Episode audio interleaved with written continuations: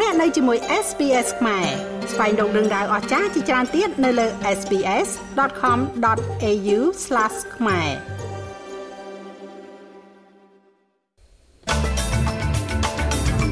លោកនាយករដ្ឋមន្ត្រី Anthony Albanese និងសមាភិកីឥណ្ឌាជំរុញទំនាក់ទំនងការទូតជាមួយនឹងកិច្ចព្រមព្រៀងភាពជាដៃគូថ្មី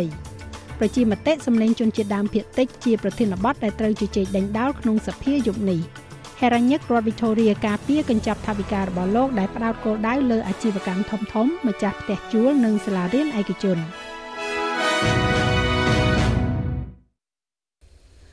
លោកនាយករដ្ឋមន្ត្រី Anthony Albanese និងលោកនាយករដ្ឋមន្ត្រីឥណ្ឌា Narendra Modi បានចុះហត្ថលេខាលើកិច្ចព្រមព្រៀងភាពជាដៃគូ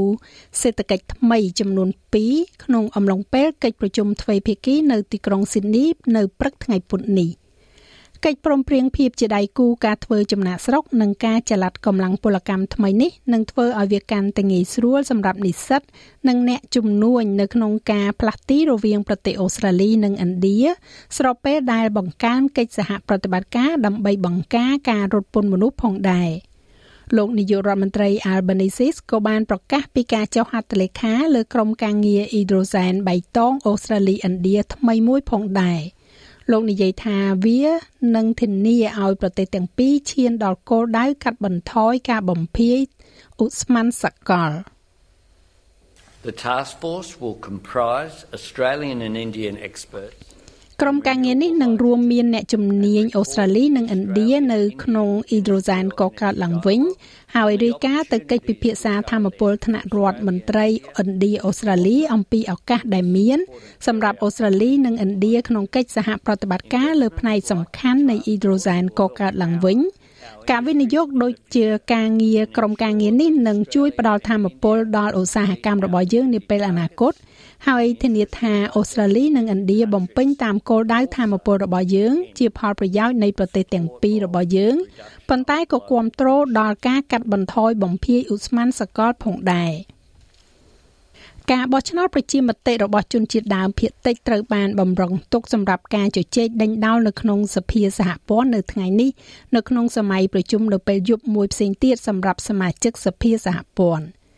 សភាក្រុងនឹងបោះឆ្នោតលើពាក្យចុងក្រោយនៃសំណួរប្រជាមតិរួមជាមួយនឹងការផ្លាស់ប្តូររដ្ឋធម្មនុញ្ញប្រសិនបើសំណើនេះទទួលបានជោគជ័យ មេដឹកនាំបកប្រឆាំងលោក Peter Dutton និយាយថាសំណើនេះនឹងធ្វើឲ្យប្រទេសរបស់យើងមានការបែងចែកជាតិសាសន៍និយមឡើងវិញជាការអត្ថាធិប្បាយមួយដែលរដ្ឋមន្ត្រីក្រសួងកិច្ចការជនជាតិដើមភាគតិចលោកស្រី Linda Burney បានហៅថាជាព័ត៌មានមិនពិត។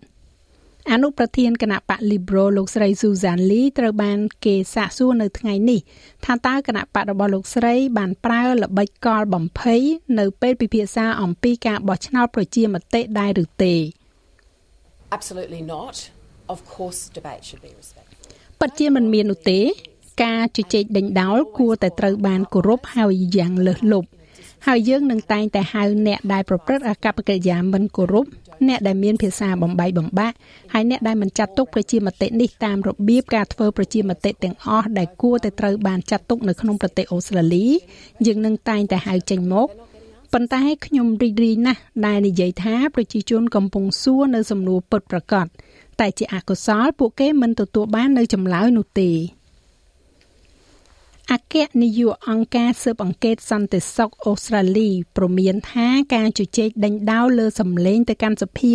អាចបង្កឲ្យមានអំពើហិង្សាអគ្គនាយក ASIO គឺលោក Mike Burgess ត្រូវបានសាកសួរនៅក្នុងអំឡុងពេលការប៉ាន់ប្រមាណរបស់ព្រឹទ្ធសភា អំពីហានិភ័យដែលអាចកើតមានឡើងតាក់ទងទៅនឹងការបោះឆ្នោតប្រជាមតិរបស់សភា ដែលនឹងកើតឡើងនៅក្នុងត្រីមាសទី2នៃឆ្នាំនេះ។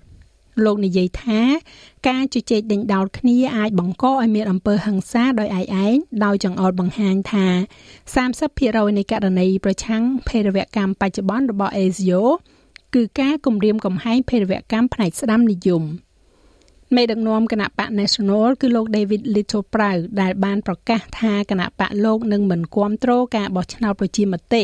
ដើម្បីបង្កើតស្ថាប័នផ្ដល់ប្រឹក្សាជនជាតិដើមភាគតិចទេនោះ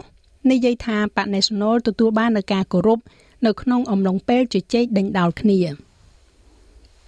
I I take the ASIO uh, director's advice uh, ខ្ញុំទទួលយកដំបូន្មានរបស់លោក Ezio ប្រធាន Ezio ក្នុងតម្លៃនោះប៉ុន្តែខ្ញុំមានសុតិធិនិយមជាងនេះចំពោះជនរុនជាតិអូស្ត្រាលីរបស់ខ្ញុំខ្ញុំជឿថាយើងយុត្តិធម៌ហើយយើងមានភាពយុត្តិធម៌ក្នុងការអាចកំណត់ទស្សនៈរបស់យើងបានជាពិសេសលើការសម្រេចចិត្ត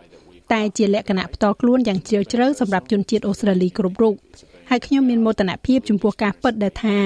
គណៈបក National ដែលបានបង្ហាញគោលជំហររបស់ពួកគេកាលពី8ខែមុនត្រូវបានគេគោរពតាមរបៀបដែលយើងបានបង្កើតការជជែកដេញដោលគ្នា វាមិនដែលមានលក្ខណៈផ្ទាល់ខ្លួនទេ វាមិនដែលមានការគុំគួនសងសឹកទេ អំពីបទពិសោធន៍ជីវិតដែលយើងមាន ហើយខ្ញុំមានបំណងរក្សាវា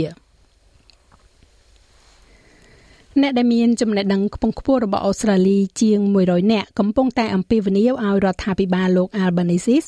គិតគូរឡើងវិញចំពោះកិច្ចព្រមព្រៀងនាវាមុជទឹកដើរដោយធម្មពលនុយក្លេអ៊ែរ AUKUS របស់ខ្លួនដោយនិយាយថាវិធានការនេះធ្វើឲ្យមានភាពតានតឹងកើនឡើងជាមួយនឹងប្រទេសចិន។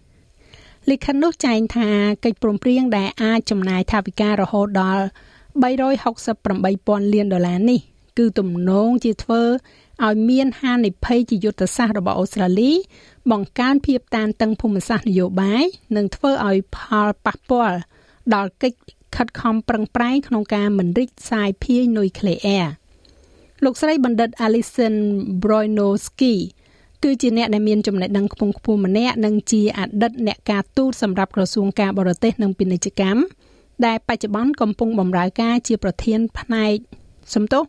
ជាប្រធាននៃ Australian for War Powers Reform ដែលជាក្រុមយុទ្ធនាការប្រឆាំងសង្គ្រាម។ដុកទ័រ Bronowski គឺជាអ្នកដែលមានចំណេះដឹងខ្ពង់ខ្ពស់ម្នាក់ក្នុងចំណោម110នាក់ដែលបានចុះហត្ថលេខាលើលិខិតចំហហើយលោកស្រីនិយាយថាកិច្ចព្រមព្រៀង AUKUS អាចត្រូវបានប្រទេសចិនមើលឃើញថាជាការបង្កហេតុហើយអាចនាំឲ្យមានការប្រកួតប្រជែងអាវុធនៅក្នុងតំបន់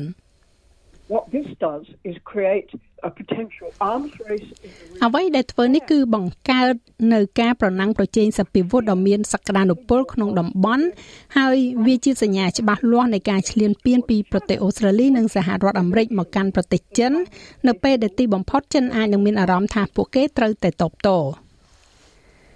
ហេរ៉ាញិករដ្ឋ Victoria គឺលោក Tim Palace បានបដិសេធថាកញ្ចប់ថវិការដ្ឋគឺជាសង្គ្រាមលំដាប់ថ្នាក់ជ្រុលហួសហេតុដោយសារតែរដ្ឋាភិបាលរដ្ឋនេះកំណត់គោលដៅទៅលើអាជីវកម្មធំធំ អ្នកវិនិយោគទៅលើលំនៅឋានឬនិយាយឲ្យស្រួលស្ដាប់គឺអ្នកដែលមានផ្ទះជួល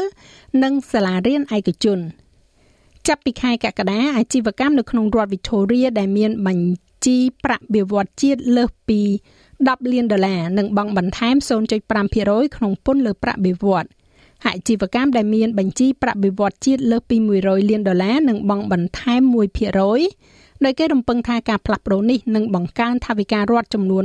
3009លានដុល្លារពីការប៉ាន់ប្រមាណទៅមុខការប្រគល់កញ្ចប់ថវិកាទី9របស់លោកដែលបង្កប់ដោយពាក្យស្លោកនៅពេលបោះឆ្នោតរបស់គណៈបក Labor ធ្វើអ្វីដែលសំខាន់ លោកហេរ៉ាញិកកំពុងតែការពារការយកពន្ធពីរផ្នែកសម្រាប់រយៈពេល10ឆ្នាំដើម្បីជួយសងបំណុលចំនួន31,500លានដុល្លារនៃ COVID-19 ដោយលើកឡើងពីភាពស្រដៀងគ្នាក្នុងសម័យសង្គ្រាមលោក Palace បានដកស្រង់សម្ដីអតីតនាយករដ្ឋមន្ត្រី Ben Chifley Speaker in the words of Ben Chifley លោកប្រធានសភា នៅក្នុងពាក្យរបស់លោក Ben Chifley ការចំណាយលើសង្គ្រាមមិនបានបញ្ចប់នៅពេលដែលការប្រយុទ្ធគ្នាត្រូវបញ្ឈប់នោះទេដោយដែលយើងបានធ្វើការសម្រេចចិត្តដ៏ពិបាកដើម្បីការពារប្រជាជនរដ្ឋ Victoria ឲ្យឆ្លងកាត់រោគរាតត្បាតនេះឥឡូវនេះយើងកំពុងទទួលខុសត្រូវចំពោះគេដំណើរសារពើពន្ធរបស់ខ្លួននិងផែនការសងបំណុល COVID របស់យើងដើរទាត់កំប៉ុងនៅតាមផ្លូវមិនមែនជាជំរើសទេ លោកនាយករដ្ឋមន្ត្រីហ៊ុនសែនបានប្រាប់ទូតបរទេសថាកុំឲ្យលូកលាន់និងជ្រៀតជ្រែកកិច្ចការផ្ទៃក្នុងកម្ពុជានៅក្នុងពិធីសម្ពោធអគារថ្មីនៅមន្ទីរពេទ្យកាឡម៉ែតកាលពីព្រឹកថ្ងៃទី23ខែឧសភាលោកនាយករដ្ឋមន្ត្រីបានថ្លែងដោយងាកនឹងចង្អុលទៅកាន់អគ្គរដ្ឋទូតប្រទេសលោកខាងលិចដែលបានចូលរួមក្នុងពិធីនោះថាកុំឲ្យលូកលាន់ចូលកិច្ចការផ្ទៃក្នុងកម្ពុជានិងត្រូវមើលកម្ពុជាឲ្យផុតពីកម្ពុជា។ លោកបន្ថែមថាកម្ពុជាគឺជាសមាជិករបស់អាស៊ានដែលមានសិទ្ធិសម្រេចលើកិច្ចការតំបន់ធំធំជាច្រើនតាមរយៈការប្រើប្រាស់សិទ្ធិវេតូដែលលើសពីអ្វីដែលកម្ពុជាអាចធ្វើបានក្នុងនាមកម្ពុជានៅលើឆាកអន្តរជាតិដែលខ្ញុំសូមយល់ថាទីនេះដល់ការបោះឆ្នោតសូមអស់លោកស្ងៀមស្ងាត់ទុកឲ្យយើងខ្ញុំប្រើប្រាស់នៅវិធានក្នុងស្រុកដើម្បី ដោះស្រាយបញ្ហាប្រជាធិបតេយ្យនៅកម្ពុជាលើកៅចាស់ឲ្យលោកមេងផាឡានឹងជួនសេចក្តីរីកាលំអិតនៅវគ្គក្រោយឬក៏លោកអ្នកអាចចូលស្ដាប់នៅលើគេហទំព័ររបស់យើងនោះគឺ sps.com.au/ ខ្មែរ ក្លឹបកីឡា AFL Brisbane Lions នៅថ្ងៃនេះបានចេញមុខគាំទ្រសម្លេងជនជាតិដើមទៅកាន់សភាឬក៏ Voice to Parliament ក្លឹបនេះនិយាយថាពួកគេបានធ្វើការស្ទង់មតិដោយស្ម័គ្រចិត្តនៅក្នុងស្ថាប័នរបស់ខ្លួនរួចហើយបន្ទាប់ពីបានវាយតម្លៃយោបល់ពីសមាជិកក្រុមប្រឹក្សាភិបាលបុគ្គលិកនិងកីឡាករបានសម្រេចចិត្តបង្ហាញការគាំទ្ររបស់ពួកគេនៅពីក្រោយសំណើនេះ នេះកើតឡើងបន្ទាប់ពីការប្រកាសកាលពីសប្តាហ៍មុនថាគណៈកម្មការ AFL នឹងគាំទ្រយុទ្ធនាការ Yes នៅក្នុងប្រជាមតិនាពេលខាងមុខ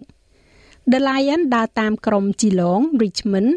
Essendon, Collingwood និង West Coast នៅក្នុងការគ្រប់គ្រងជាសាធារណៈនៅសម្លេងនេះហើយបានបង្ហាញពីប្រវត្តិប្រកបដោយមោទកភាពរបស់ពួកគេជាមួយនឹងកីឡាករជនជាតិដើមសេចក្តីថ្លែងការណ៍របស់ក្លឹបនេះនិយាយថាយើងបដិញ្ញានៅក្នុងការស្ដាប់ រៀននិងធ្វើការរួមគ្នា ដើម្បីបង្កើតក្លឹបដែលគោរពនិងស្វាគមន៍អ្នកទាំងអស់គ្នា ចាប់ពីប្រជាជនដើមដំបូងរបស់យើង រហូតដល់ប្រជាជនអូស្ត្រាលីថ្មីបំផុតរបស់យើង។ចំណែកឯអត្រាប្តូរប្រាក់វិញ1ដុល្លារអូស្ត្រាលីមានតម្លៃប្រមាណជា66សេនដុល្លារអាមេរិកត្រូវនឹង2710រៀលប្រាក់រៀលខ្មែរ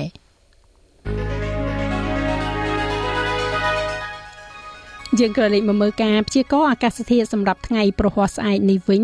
ទីក្រុងផឺតមានពពកដោយពេល19អង្សារលឹមបន្តិចបន្តួចនៅអាដាលេដ17អង្សា មានភ្លៀងនិងខ្យល់17អង្សានៅមែលប៊នហូបាតរលឹមបន្តិចបន្តួច14អង្សាភាគច្រើនបើកថ្ងៃនៅ Canberra 16អង្សាដូចគ្នានៅ Sydney 22អង្សាបើកថ្ងៃដែរនៅ Brisbane 24អង្សា ទីក្រុង Cairns រលឹមបន្តិចបន្តួច27អង្សា Darwin បើកថ្ងៃ31អង្សា និងនៅទីក្រុងភ្នំពេញ មានផ្គររន្ទះរីប៉ាយ35អង្សាច